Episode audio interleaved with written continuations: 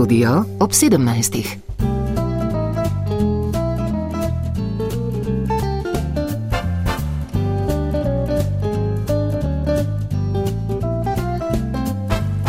Dobar dan, drage poslušalke in dragi poslušalci.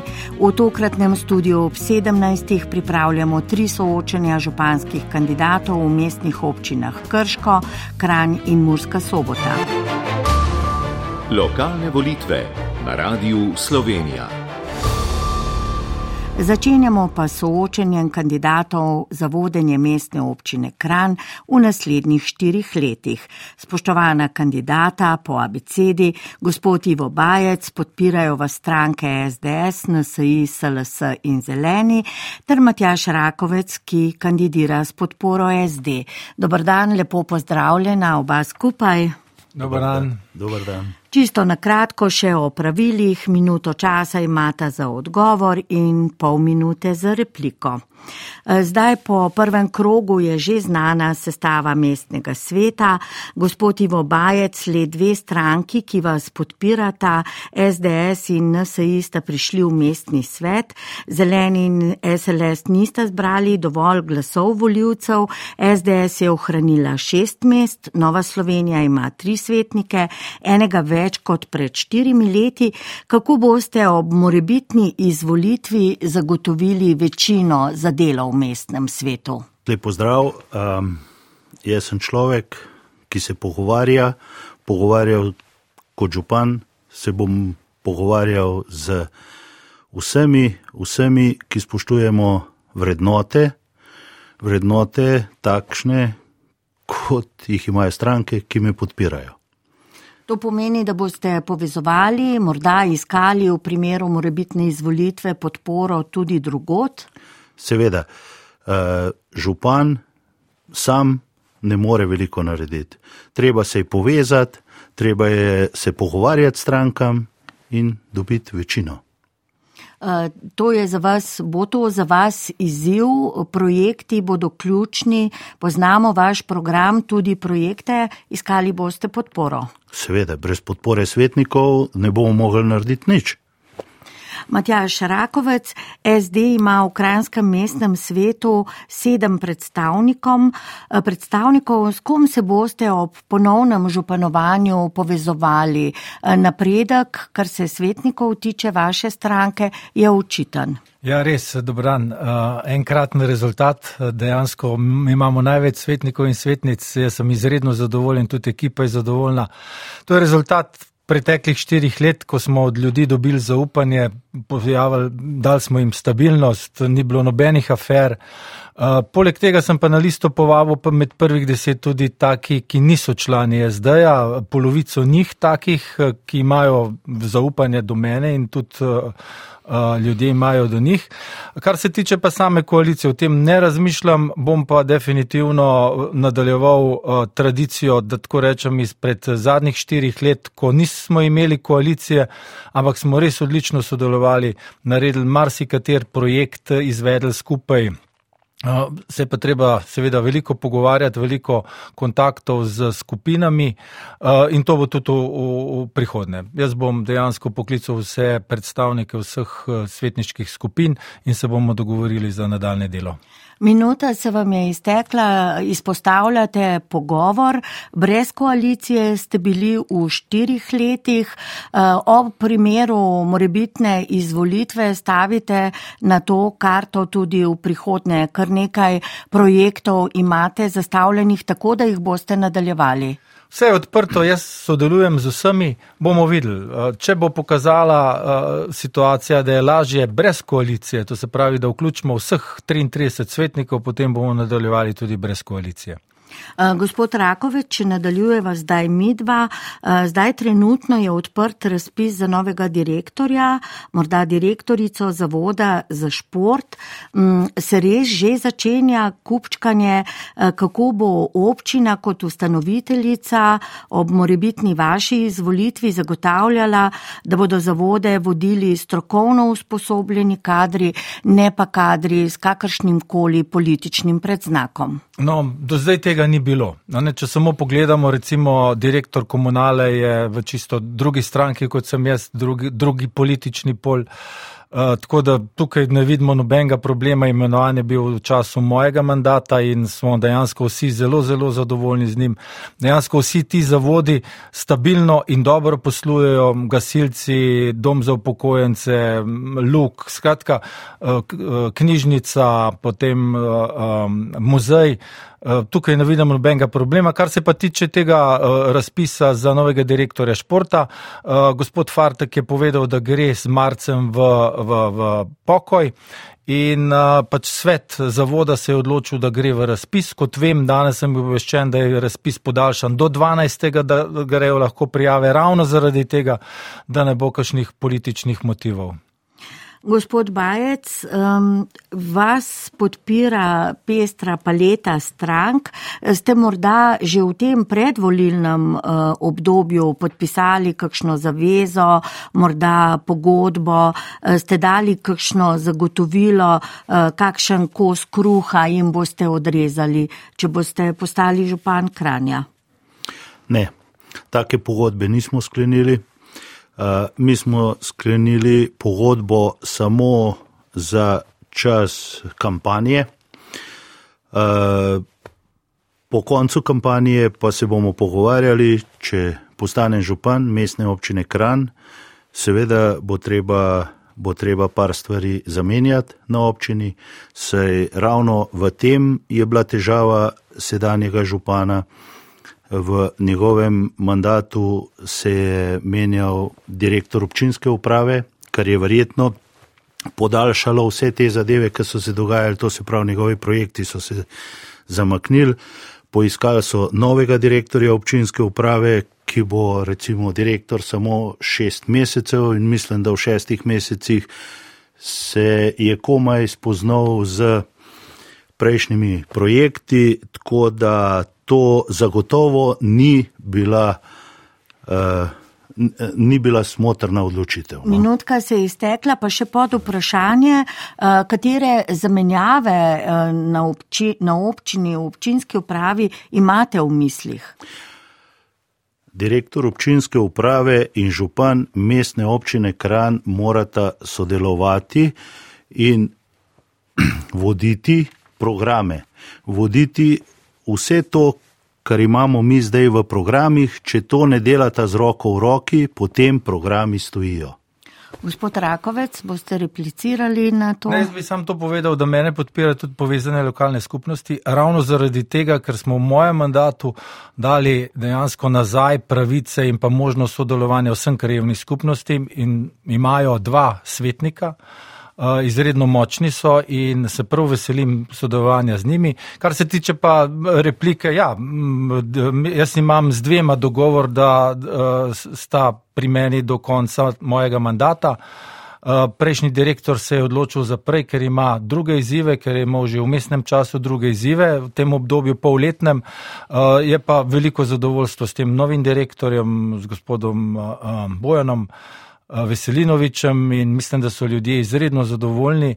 Je pa tako, jaz nisem zamenjal skoraj nobenega v upravi, vsi vodje uradov so ostali, tako da jaz delam predvsem na tem, na sodelovanju, na povezovanju in ljudje so to sprejeli in smo res dobra ekipa. Konc koncev smo res realizirali za 70 milijonov projektov v štirih letih. Dobro, uh, gremo naprej na okoljsko vprašanje in sicer uh, se selimo v teh naših minutah v industrijsko cono Laze, kjer je okoljska negotovost velika tudi po štirih letih, razen gradnje kanalizacije se ni nič primaknilo, na kar opozarja tudi Marko Špolat iz civilne inicijative Stražišče in obenem obema postavlja vprašanje ali bo spoštovala voljo in odločitve in presoje ustrežnih državnih organov, to se pravi zavodov za naravo, zavodov za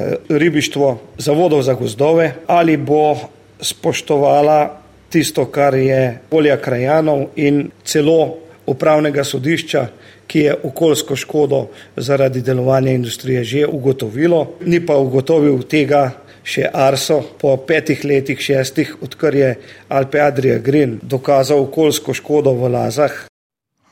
Eh, gospod Bajec, poznate ta problem, krajani stražišča, ti, ki so najbližje industrijski coni Laze, to označujejo kot en neskončen predvolilni ništrc, pa vendarle pričakujejo tudi neke konkretne rešitve. Seveda.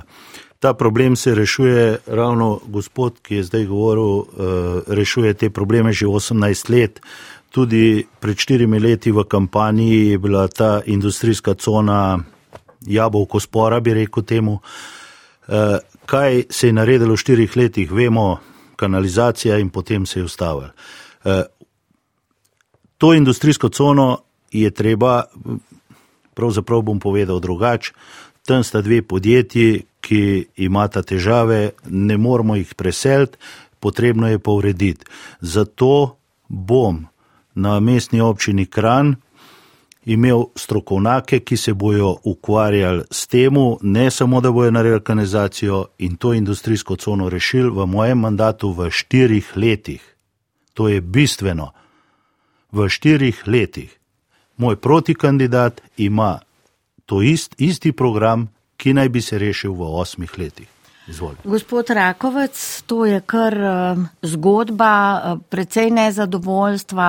Nihče še ni prevzel odgovornosti za to okoljsko onesnaženje. V zadnjih štirih letih sta bila dva obsežna požara. Meritve so opravljene, pa vendarle bližnji prebivalci z njimi niso zadovoljni. Poglejte, meritve so uradne in zrak v tej okolici je izredno čist. Če pogledate na, račun, na, na internetno stran, eh, je jasno povedano, da je to ena najbolj kraj, kjer je najbolj čist zrak v Kranju. Kaj smo mi naredili? Prva faza kanalizacije narejena. Drugo leto začnemo drugo eh, fazo kanalizacije, to se pravi priklop na glavni navod in ta zadeva bo z tega vidika rešena. Kar je pa ključnega pomena, sem pa v prejšnjem, mislim, v mandatu dosegal dogovor z Ministrstvom za okolje in prostor in oni imajo rezervirana proračunska sredstva, da sanirajo staro odlagališče da se to odlagališče sanira. Jaz osebno sem bil na teh odlagališčih, res je katastrofa, poklicali smo tudi ustrezne uh, službe za meritev uh, unesnaženosti iz Maribora, dobili podatke uh, in to bomo v naslednjem mandatu rešili. Delamo projekt na, na občini, ko to naredimo, Ministrstvo za okolje začne samo sanacijo. Kar se pa tiče požarov, Minutka, je pa ja. zadeva rešena. Tam imamo neposredne uh, kamere in še prednost poh pride do požara, so gasilci že tam. Tako da to imamo pa res vrhunsko rešeno. Mislim, da Dobro. eni redkih v, v Sloveniji. Hvala lepa, gospod Rakovec. Ostajamo lokacijsko v stražišču, zdaj smo bili v industrijski coni Laze. Prav v stražišču ste, gospod Bajec, v petek pripravili javno tribuno povezano s priseljevanjem tujcem. Zauzemate se za ureditev neurejenega priseljevanja in ureditev socialnih transferjev. Pa imam zdaj vprašanje za vas ste vedeli, da vaši najoži, tudi politični sopotniki, odajo hišo, v kateri je večje število priseljencev, o čemer je prvi z dokazi poročal kranski spletnik Trma. Pa me zanima, vaša stranka je tista, e, ki je v preteklosti glasno upozarjala na te anomalije, pa ste bili seznanjeni morda tudi s tem primerom. Seveda sem bil seznanjen. Ampak v petek je bila okrogla miza na to temo, in na tej okrogli mizi uh, smo izpostavili težave, ne težave, kje živijo ti ljudje, kje so ti. Uh, mi smo imenovali okroglo mizo drugače, to se pravi, poslušali bomo ljudi, uh, imeli so možnost dajati pripombe in tako naprej. Kaj bomo reševali? Mi bomo reševali to, da se bodo ti ljudje vključili v naše življenje, da se bodo laže vključili v naše življenje. Zato bomo poskrbeli, da se bodo otroci, predšolski otroci, šolski otroci, predno grejo v vrtec, naučili par besed slovenščine, njihove mame se bojo naučile, zato imajo možnost brezplačnega učenja slovenščine. In ta okrogla miza je bila prvenstveno za to, za vključitev, za integracijo v naše okolje. Minutko pa e, se vam zdijo takšna ravnanja teh vaših podpornikov nesporna, denimo? E, nesporna so v primeru, da kršijo predpise. E, v mojem programu je, da bodo vsi spoštovali predpise. Zdaj gremo, kere predpise, koliko kvadratnih metrov pripada enemu, kakšno izobrazbo ima, ko pride gor, ali so dokument, eh, njegovi dokumenti glede izobrazbe pravilni ali nepravilni ali ponarejeni in tako naprej, in kontrolo bivanja, ali ti ljudje sploh bivajo v Sloveniji. In to velja, ali je to član stranke SDS ali je stranke SD ali katere koli stranke, mora upoštevati predpise, ki veljajo v Republiki Sloveniji. Gospod Rakovec, vi ste že v prvem soočenju napovedovali uh, konkretne sestanke in uh, pogovore na pristojnih inštitucijah povezanih uh, s priseljevanjem tujcev. Ste morda že kakšen korak naprej? Mislim predvsem prav na to, kar je opozoril gospod Bajec in sicer povezano z znanjem slovenščine, z vključevanjem v šole, težave pri zdravljenju zdravnikih zaradi jezikovnih pregrad. Ena stvar je, v mojem mandatu smo dali 24 predlogov spremembe zakona o tujcih. Eh, vlada prejšnja je to večinoma sprejelo, je prehodno obdobje, te bodo začeli veljati marca 23, to se pravi zelo kmalo, tukaj se bodo že poznali efekti. Kar se tiče pa nadaljnih korakov, ja, pisal sem predsedniku vlade, eh, dejansko je zadevo odstopil ministrstvo za šolstvo in jaz pričakujem po teh volitvah, eh, dejansko zdaj imamo te volilne kampanje, da se bomo glasil pri ministru in seznanil s predlogi, ki jih imamo. Kot sem pa že povedal, gre za pripravljalnico, to se pravi otroci, ki pridajo v vrtec v šolo, tam, kjer ni potrebno toliko znanja slovenskega jezika, kot je telovadba, likovna vzgoja, petje in tako naprej. Prisustujejo normalnemu pouku, to se pravi rednemu pouku, kjer je pa slovenščina, biologija, kemija in podobne zadeve, grejo pa v pripravljalnico, ker se učijo slovenskega jezika in pa predvsem slovenske kulture. Eh, samo še čisto kratko vprašanje, enako za vaju oba. Dva meseca po požaru Majdičevega mlina vzrok še ni znan, podjetje je zamenjalo lastnika, denacionalizacija ni končana, objekt je še vedno nevaren. Kaj konkretno bo za varnost storila občina? Gospod Bajec? V občinski upravi imamo strokovnjake, strokovnjaki bojo to pregledali in bojo dali navodila, kaj je treba s tem narediti. Gospod Matjaš Rakovec. Objekt je zasebna lastnina. Jaz sem se dobil z dvema lastnikoma, žal se ta objekt prodaja od enega do drugega. Dobili smo se tudi z uh, inšpektorico, gradbeno inšpektorico. Prv njena naloga, oziroma prva stvar, kar je izdala, je, da se podstre, uh, podre nad strešek. To je edina trenutno možna zadeva. Zdaj se je zadeva spet prodala, pač podjetja se prodajo, drugače bi občina uveljavila že predkupno pravico in potem zadevo lahko podremo. Bo pa nadaljevanje. Po teh volitvah seveda se bom zopet usedel z direktorjem, lastnikom tega podjetja, da vidimo, kaj lahko naredimo. Je pa kar nekaj idej, kaj bi se lahko naredili. Najprej pa bo seveda o tem moralo odločiti sodišče, saj je bil podan ugovor na prenos lastništva in to je tudi zadnji stavek tega današnjega soočenja. Spoštovana kandidata, srečno v nedeljo, mi pa gremo zdaj v Krško. Lokalne volitve na radiju Slovenija.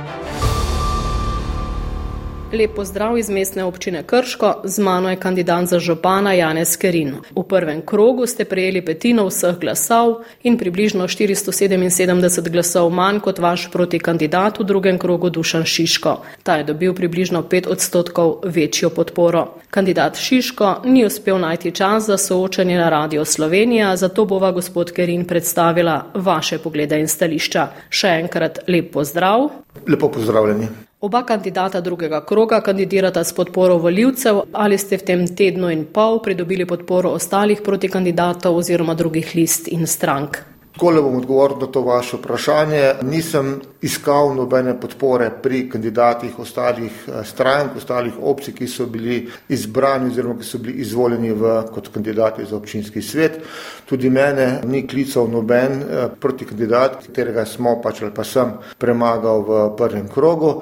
Lahko morda malo za šalo, malo za res povem, da me je edini, ki me je klical, me je klical proti kandidat, gospod Dušan Šiško, ampak v bistvu smo imeli druge teme, nobene teme v zvezi z volitvami in vrstitvijo v drugi krok. Jaz pričakujem podporo vseh tistih eh, voljivk in voljivcev, občank in občanov mestne občine Krško, ki si dejansko želijo spremembe. Namreč nobena skrivnost ni, da je moj protikandidat, gospod Dušan Šiško, dobil javno podporo se strani kandidatke Janje Starc, to je bilo tudi objavljeno, to je bilo tudi na spletnih medijih, ravno tako pa je dobil tudi podporo župana aktualnega, gospoda magistra Mirna Stankota, ki je izjavil za en izmed medijev, da pač najbolj primerna kandidata oziroma najbolj primern kandidat za župana je ob gospodu Starcu, ki je v prvem krogu pač se tako izrazil malo športno izpadel iz nadaljevanja, ravno gospod Šiško, ki naj bi imel največ političnih izkušenj na tem področju. No in eh, vaš protikandidat ravno o tem pravi na družbenih omrežjih in ob tem izpostavlja vaše podpornike iz društva Modra smer, da se širijo neresnice in laži o njem, predvsem glede te podpore iz vrst SLS-a, da to ni direktna podpora. Kako odgovarjate pač na te očitke v tako imenovani umazani kampanji? Sem prebral, so me seznanili člani modre smeri in so rekli, da gospod Šiško eh, preko omrežja Facebooka širi to, ta dejstva, katera moram odločno zanikati. Jaz sam zadnje, bom rekel, zadnjih pet dni ne spremljam Facebook profila, ravno zaradi tega, ne, ker so razni, bom rekel tako, morda so malo napačno slišali, fake profili, ki tudi meni pripisujejo, da sem povezan z LDS-om, povemo, da LDS-a že ni cirka, ne vem, 20-25 let. Skratka, odločno moram zanikati vsakršno takšno namigovanje. Mislim, da člani modre smeri smo toliko modri in toliko odrasli, da se to vrstnih igric dejansko ne gremo in tudi nam ni potrebe po takih igrah. 4. december je blizu, funkcijo župana, če boste izvoljeni, boste verjetno upravljali profesionalno. Vsekakor si občanke in občani naše občine zaslužijo in morajo imeti župana, ki bo 24 ur župan, se pravi, da bo eh, prisotnost, da bo imel odprta vrata, ne samo priprta za vse občanke in občane in bom kot takšen tudi na razpolago. In ta pogled naprej, imate že ekipo tesnejših sodelavcev, s katerimi se vidite kot župan, tudi v reorganizaciji občinske uprave ste izpostavljali v preteklih dneh? Zagotovo imam izbrano ekipo, o katerih imeni ne bom govoril. Tudi v imenih v zadnji čas se krožijo razna ugibanja, razna imena. Najbolj popularno so, da se pojavi ime direktorja, direktorice občinske uprave. Zato morda tudi na tem mestu naj navedem, da to je oseba, ki jo bom imenoval, je oseba, v katero imam popolno zaupanje.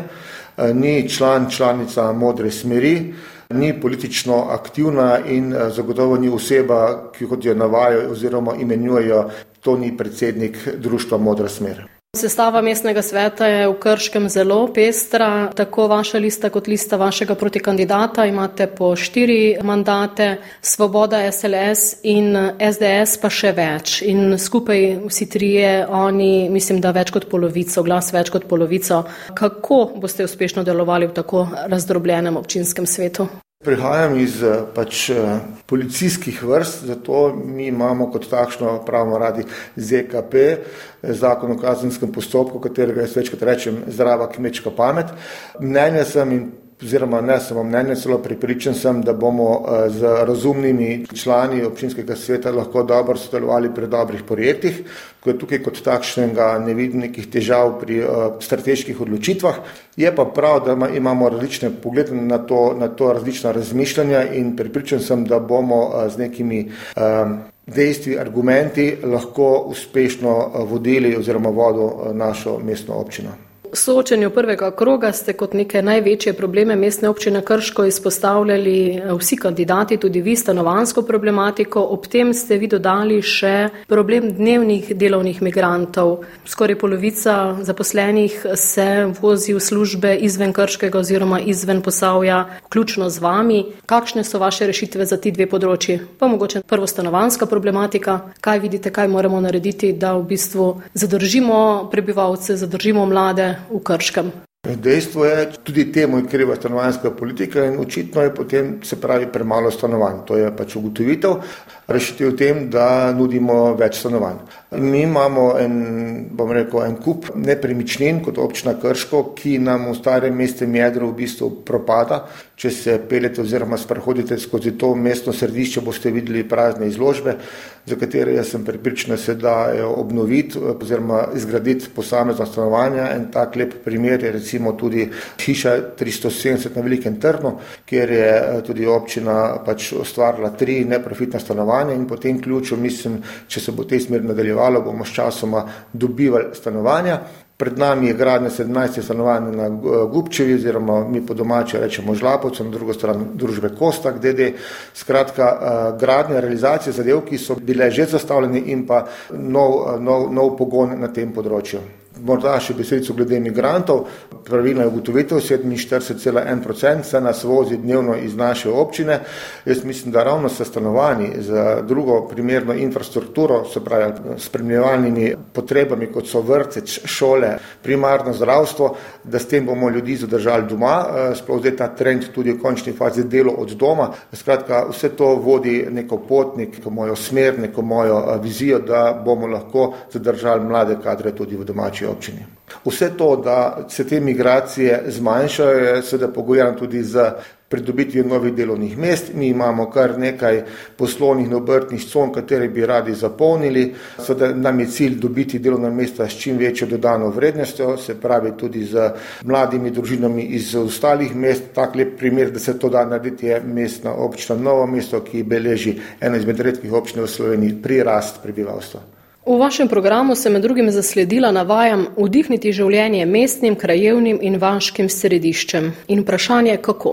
Ko sem se skozi to volilno kampanjo in pa že prej kot zagrežen kolesar prevažal oziroma ugledoval našo srečen čudovito občino, sem opazil v teh starih mestnih središčih od podbočja cenovega velikega kamna in še kje objekte, ki so v lasti, v družbeni lasti in pa v lasti posameznikov, da so pač zapuščene in prepričan sem, da se z zaširitvijo obnovo teh objektov bo tudi vračalo družbeno življenje v, v, v te kraje, predvsem pa z subvencioniranjem oziroma večjimi, večjimi sredstvi vlaganja v, v društvo, v družbeno življenje v teh krajih, ki delujejo tako od gasilskih do kulturnih, športnih in prepričan sem, da je to tista skupnost, ki bo potem dala življenje za naprej. Še zadnje vprašanje, kako v teh zadnjih dneh nagovarjate občane, naredite kaj več, da dobite podporo 4. decembra?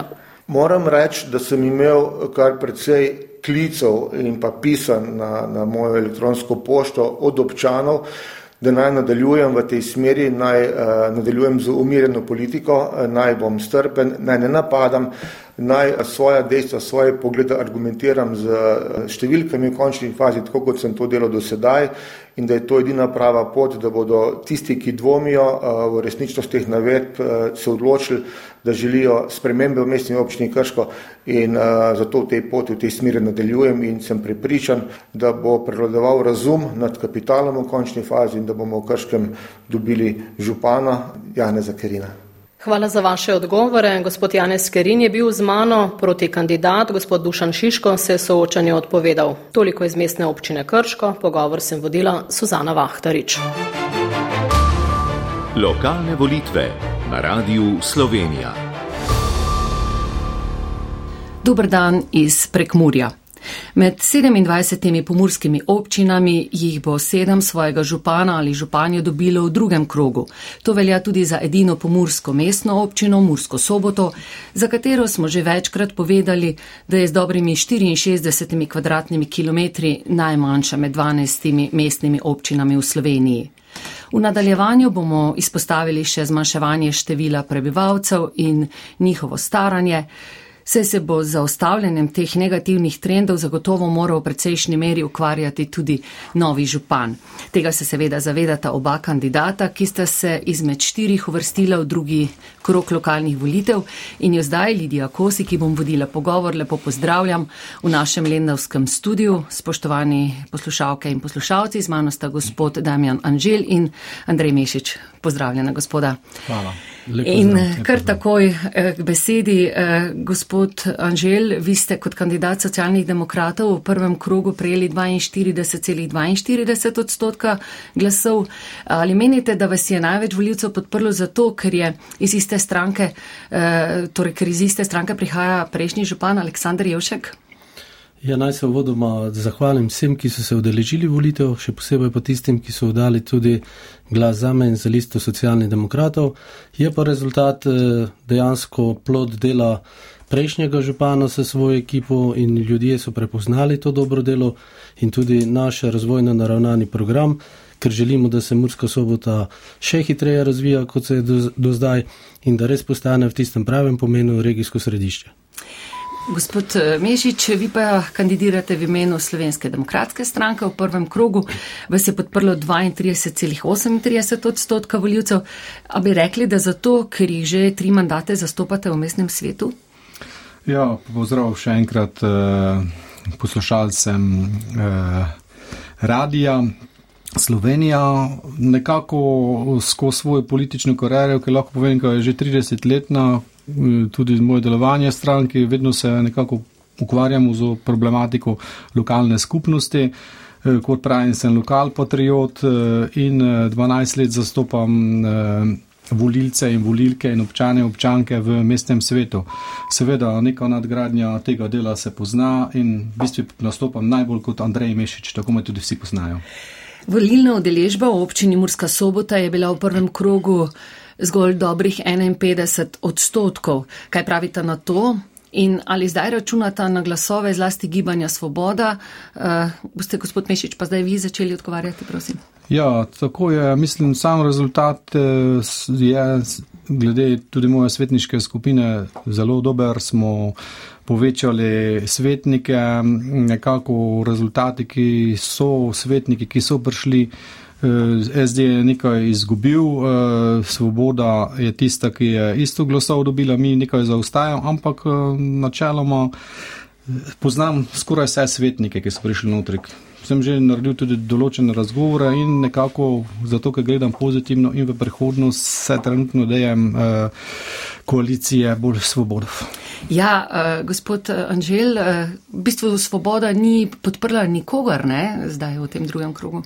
Ja, moje mnenje je, da je dejansko to bila malo preuranjena uh, odločitev in da dejansko do pogovorov bo prišlo prej ali slej. In uh, kot uh, župan se bom dejansko pogovarjal z vsemi uh, skupinami svetniškimi in ne izključujem nobene uh, koalicije, se tudi iz našega mojega programa izhaja sodelovanje, sodelovanje ključnega pomena za nadaljni razvoj, sam razvoj pa za kvalitetno sobivanje in mislim, da so programi bili zelo podobni zato tudi pričakujem, da se bomo dogovorili v koaliciji. Ja, zdaj ste me pa že malce prehitela v mestnem svetu. E, Murske sobote bo sedelo po osem svetnikov iz strank SD-ja in Gibanja Svoboda, šest predstavnikov SDS-a, po enem pa iz NSI-ja, neodvisne stranke Pomurja ter z liste za našo soboto. Darko Rudaš ostaja predstavnik romske skupnosti. E, oba sta se že dotaknila ne, sodelovanja s svetniki. Eh, gospod Mešič je že omenil, da je bilo prej več SD-jevih eh, svetnikov, 11, ne, eh, SDS pa je imel 4. Kako si, recimo, vi, gospod Anžel, predstavljate sodelovanje oziroma delo v tem 26-članskem občinskem oziroma mestnem svetu? Glejte, sam sem dobil največ glasov med kandidati za župana in naša lista socialnih demokratov je prav tako skupno prejela največ glasov. Dejansko letos je bilo manj list, so pa bile bolj kvalitetnejše, se pravi, so bila bolj prepoznavna imena in eh, ne izključujem nobenih povezav, do, do, do pogovorov bo prišlo, počakajmo na rezultate volitev in seveda takrat bo iztekli tudi pogovori. Je pa res, da imata gibanje Svoboda in pa socialni demokrati koalicijsko pogodbo in tudi tukaj pričakujem nadaljne sodelovanje in pozivam že zdaj vse voljivce gibanja Svoboda, da me podprejo v drugem krogu. Eh, gospod eh, Mešič, eh, pa vi, kako vi ste že rekli, ja, da poznate ja. v bistvu vse svetnike? Dejstvo je, da sedaj kar ima SD na državni ravni, na državni ravni. E, v bistvu je lokalna skupnost nekaj drugega. V lokalni skupnosti živiš, v lokalni skupnosti te vsi poznajo, e, vsi poznajo moja načela, to pomeni, e, sem človek besede, sem človek združevanja, sem človek pogovora. Sem človek iz gospodarstva, ki je vedno imel še zraven sebe politiko in vem, zakaj se gre tako v mestnem svetu, kot v gospodarstvu in občinu hočem eh, voditi z eno v to zmesjo eh, v pravo smer in seveda, kakšno bodo koalicije, res bomo ponedelji videli, ampak eh, nekako glede samih programov in glede načina razmišljanja pa lahko povem, da je svoboda tista. Se mi zdi, da SD ustaja s svojimi svetniki v preteklosti. Žal, moram to povedati. E, boste na hitro samo Ja, dejansko to, kar gospod Mešič pravi, ne drži. Eh, tudi svoboda, eh, mislim, tudi eh, socialni demokrati imamo novo imena v mestnem svetu.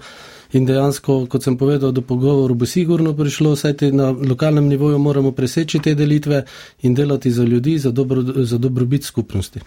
Kot smo omenili že v vodu, živi v Murski soboti vedno manj ljudi, pa še ti so vedno starejši. V dveh desetletjih se je število prebivalcev zmanjšalo za več kot 1600, zdaj jih je 18543. V istem času pa so se v poprečju postarali za skoraj 8 let in pol. Poprečna starost v mestni občini je 47,4 leta, indeks staranja pa 212,5. Kaj bi po vašem mnenju bilo potrebno storiti, da bi ustavili ta eh, neugodni trend eh, naravni prirast je skoraj minus 10? Bomo začeli recimo skrbijo za mlajše, ja. gospod Andrej Mešič? Eh, to je trend, ki nekako nakazuje na to, da prejšnja oblast ni bila pozorna do tega. Smo v bistvu mestna občina z največjim indeksom padanja prebivalstva, kar je zaskrbljujoče. E, tako glede izseljevanja rodnosti in vsega, tu treba e, narediti, populacija se stara, seveda za starejše. Tudi treba poskrbeti v tej fazi, pa moramo poskrbeti za mlade, da se vrnejo, to je prvo. E, tudi poklicno, e, poklicno šolstvo. Eh, treba vdati določeni povdarek, ne samo šolstvo izven in pa seveda čisto, ki pa grejo gre izven, da jih nekako privabimo nazaj v rodno mesto, v rodno okolje in jim dati pogoje, da se tukaj naredijo nek svoj dom. Gospod eh, Damjan Anžel. Res je, družba se stara. In dejansko upad prebivalstva ni samo problem mestne občine Murska sobota, ampak tudi same regije Slovenije in tudi Evrope. Mi pa bomo, sam menim, da ni nič narobe, če tudi grejo mladi ven, drugam študirati, tudi v tujino in se potem s tem znanjem, z novimi izkušnjami vrnejo. Mi pa bomo jih privabili tako, da bomo zagotavljali nova delovna mesta, bivalne kapacitete in ugodne pogoje bivanja v mestni občini. Se že zdaj menim, da je mestna občina prijazna za ljudi, tudi za ranljive skupine in dejansko uh, z temi ukrepi in spodbudami bomo dosegli, da se bojo mladi vračali nazaj k nam po šolanju. Bi kaj dodali, gospod Mešič, oziroma čemu ugovarjali? Kaj pa stanovanja? Ja, zdaj imamo v načrtu, prostorski plan je bil uveden še zdaj ta mandat, eh, žal nekako investitor ne zalaufle z samo investicijo, tako tudi mogoče z tega vidika, da se ukrepi center mesta, mm, so pa seveda najbolj pomembne te vzvodi, ne, ne grejo samo mladi v po študiju grejo tudi dosti v tujino, gospodarsko podlago treba narediti, občina mora narediti podlago za gospodarske subjekte, ki bodo željni priti nazaj v občino. Gospod Anželja. Mestne občine Murska sobota dejansko ta podjetniška inicijativa narašča in tudi mestna občina se, bo, se že zdaj trudi in se bo tudi vnaprej, da bo zagotavljala te pogoje za investitorje. Eh, sprejetih je že devet OPPN-jev, ki omogočajo individualno gradnjo do 500 enot in pa eh, po naseljih, ko smo zdaj pred, v predvolinem eh, času hodili, smo dejansko zaznali, da ta potreba tudi v vseh krajevnih skupnostih narašča, se pravi, krajevne skupnosti se želijo širiti. Z novimi OPPN-ji in z samo infrastrukturo bomo pa poskrbeli, da bojo te gradnje tudi stekle. Kaj pa lahko eh, kot župan storite za starejše? Nenehno povečevanje števila postelj v domovi za starejše pač ni dovolj, ne? Mnogi potrebujejo tudi pomoč na svojem domu in tako naprej, gospod Anželj. Mestna občina Murska sobota že sedaj eh, zagotavlja subvencioniranje, se pravi plačevanje institucionalnega varstva in tudi eh, pomoči na domu. Dejansko bomo s tem eh, nadaljevali, se po storitve draži, tako da bomo v proračunu mogli zagotoviti večja sredstva. Eh, starejši populaciji je pa potrebno ponuditi tudi ustrezne prostore, kjer se lahko družijo, ustvarjajo kreativne stvari, tudi literarno, likovno in pa z, z temi z sofinanciranjem tudi raznih društev, kjer so starejši vključeni, se doseže, da oni potem imajo nek svoj interes in tudi v popoldanskem času neke svoje aktivnosti. Gospod Mešič. Trenutno je v teku so investicije, ki jih je prejšnja vlada namenila pomorju in 30 milijonov večji del investicij je tudi v Murski soboti, v občini Murska sobota. Upam, da bodo te investicije speljane kot mora biti. To je ena nadgradnja domov za starejše, ta oblika po dva v sobi, ne več pet, šest in več. Ne. E, cela procedura je zdaj, gradnja je, upam, da bo to dobro speljano in da bo to neka nadgradnja. V mojem samem programu pa imamo dve izključni stvari, nadgradnja pomoči na domu, ki jo že zdaj imamo in pa seveda e, dostopnost e, starejših v institucije ki jih organizira tako kulturne, kakršne koli kartica, ki bo omogočala 20-30 procentni popust, to bo tudi neko vključevanje v družbo. Imate kakšno repliko, gospod Anžel, pri tem? Ja, jaz bi povedal, da mestna občina Murska sobota že sedaj veliko skrb eh, namenjala starejšim, v smislu tudi, ker smo tudi občina po meri invalidov in se zmanjšujejo klančine, se pravi, eh, odpravljajo se razne ovire, tako da Murska sobota kot taka tudi z Eh, mestnim parkom in z temi površinami je prijazna eh, za starejše, je pa to skrb prav tako pomembna tudi v prihodnje, tako za mlade kot za starejše, da bo imeli, kot rečem, svoje vsebine, eh, zdrav način življenja in prijetno bivalno okolje. Gospod Mešič, še vi kakšno replikico? Ja, v bistvu je to. Um, ena od zadev, ne samo starejši, tudi vsi ostali, ki so gibalno ali pa kakorkoli uvirani v sami Murski soboti, že cel čas prejemamo in sprejemamo eh, v proračunu stvari, ki jim lažje in dostopnejše omogočajo ali prehode v trgovine ali prehode v institucije, eh, tako kulturne, glasbene in vse, kar je pač v občini in tudi lažje, tudi za slepe, slabovidne in kar spada zraven.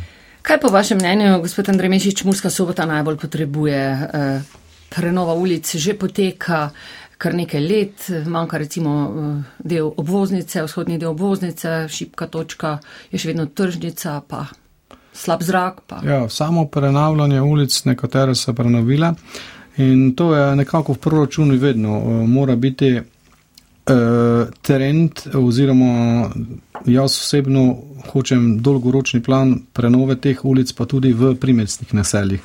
Eh, pokazalo se je, da primestna naselja imajo določene probleme, predvsem glih glede teh pločnikov, eh, dotrajanih cest, pokopališč, zelo veliko nezadovoljstvo je glede pokopališč, brugnine so se dvignile, tudi grobovi, ki so bili enojni, so šli v dvojne, to pomeni 100% dvig ampak eh, nezadovoljstvo po samih krajovnih skupnosti glede samih eh, pietetnih zadev je eh, zelo veliko. Tudi na tem področju hočem storiti neki napredek. Pa vi, gospod Anžel? Ja, tudi sam se zagibal po krajovnih skupnostih in dejansko tam tudi njihove težave spoznal. Eh, pravim, za starejše se odpravljajo te uvire in eh, se tudi namenja mm, določen del sredstev, seveda pozornost eh, za njih in tudi za mlade. Ne na zadnje, dobili smo tudi naziv občina po meri mladih, ki ga podeljuje inštitut za mladinsko politiko in pa sedaj smo nominiranci za, za nagrado občina prijazna zdravju, ker je NIJZ spoznal, da se je zdravstveno stanje v mestni občini Murska sobota izboljšalo in izvedlo se tudi veliko aktivnosti na tem področju. In eh, verjamem, da bomo tudi spoznani za, za tole nagrado, eh, ker pravim, posveča se pozornost in tudi vnaprej se bo seveda vsekakor. Tako vsakemu je ostalo še po pol minutke za kakšno repliko ali pa zaključni stavek, gospod eh, Mišič. V bistvu smo povedali skoraj vse, danes še imamo eno soočanje. Vabim vse volilce in volilke v nedeljo na volišče, da oddajo glas za mene, za Andreja Mešiča. Eh, več ali manj me vsi poznajo, sedaj sem še dodatno za svojo kampanjo tudi spoznal tiste, ki jih nisem spoznal, eh, moje delovanje eh, v samem mestnem svetu in v občini, tako na gospodarskem področju, kot se poda. Tako vabim vas na volišče, vdajte glas za Andreja Mišča. Gospod eh, Damjan Anžel. Spoštovane volilke in voljivci, v nedeljo bomo odločali o nadaljem razvoju mestne občine Murska sobota. Dejstvo je, da se je mestna občina Murska sobota v prejšnjem mandatu razvijala hitreje kot nekatere v regiji in tudi po Sloveniji in tudi eh, naš program temelji na hitrem, še hitrejšem razvoju in mestna občina Murska sobota s svojimi primestnimi naselji mora postati gonilna sila v regi, sami regiji in že vnaprej se vam zahvaljujem za vaš izkazan eh, glas ter vam obljubljam, da vas ne bom razočaral. Spoštovana gospoda eh, Andrej Mešič, Damjan Anžel, eh, zahvaljujem se vama za sodelovanje na našem radiju in vama želim vse dobro. Hvala tudi tonskemu mojstru Štefanu Benciku, ki je v studiju Pomorskega mađarskega radija v Lendavi poskrbel, da ste nas lahko slišali. Novinarka Lidija Kosi, vse poslušalce, tudi v imenu današnjih kolegic Aljane Jocif iz Kranja ter Sozane Vahtarič iz Krškega toplo pozdravljam in vabim k poslušanju jutrišnje odaje, v kateri se bodo soočili županski kandidati v Mariboru, Novi Gorici ter Celju. Srečno!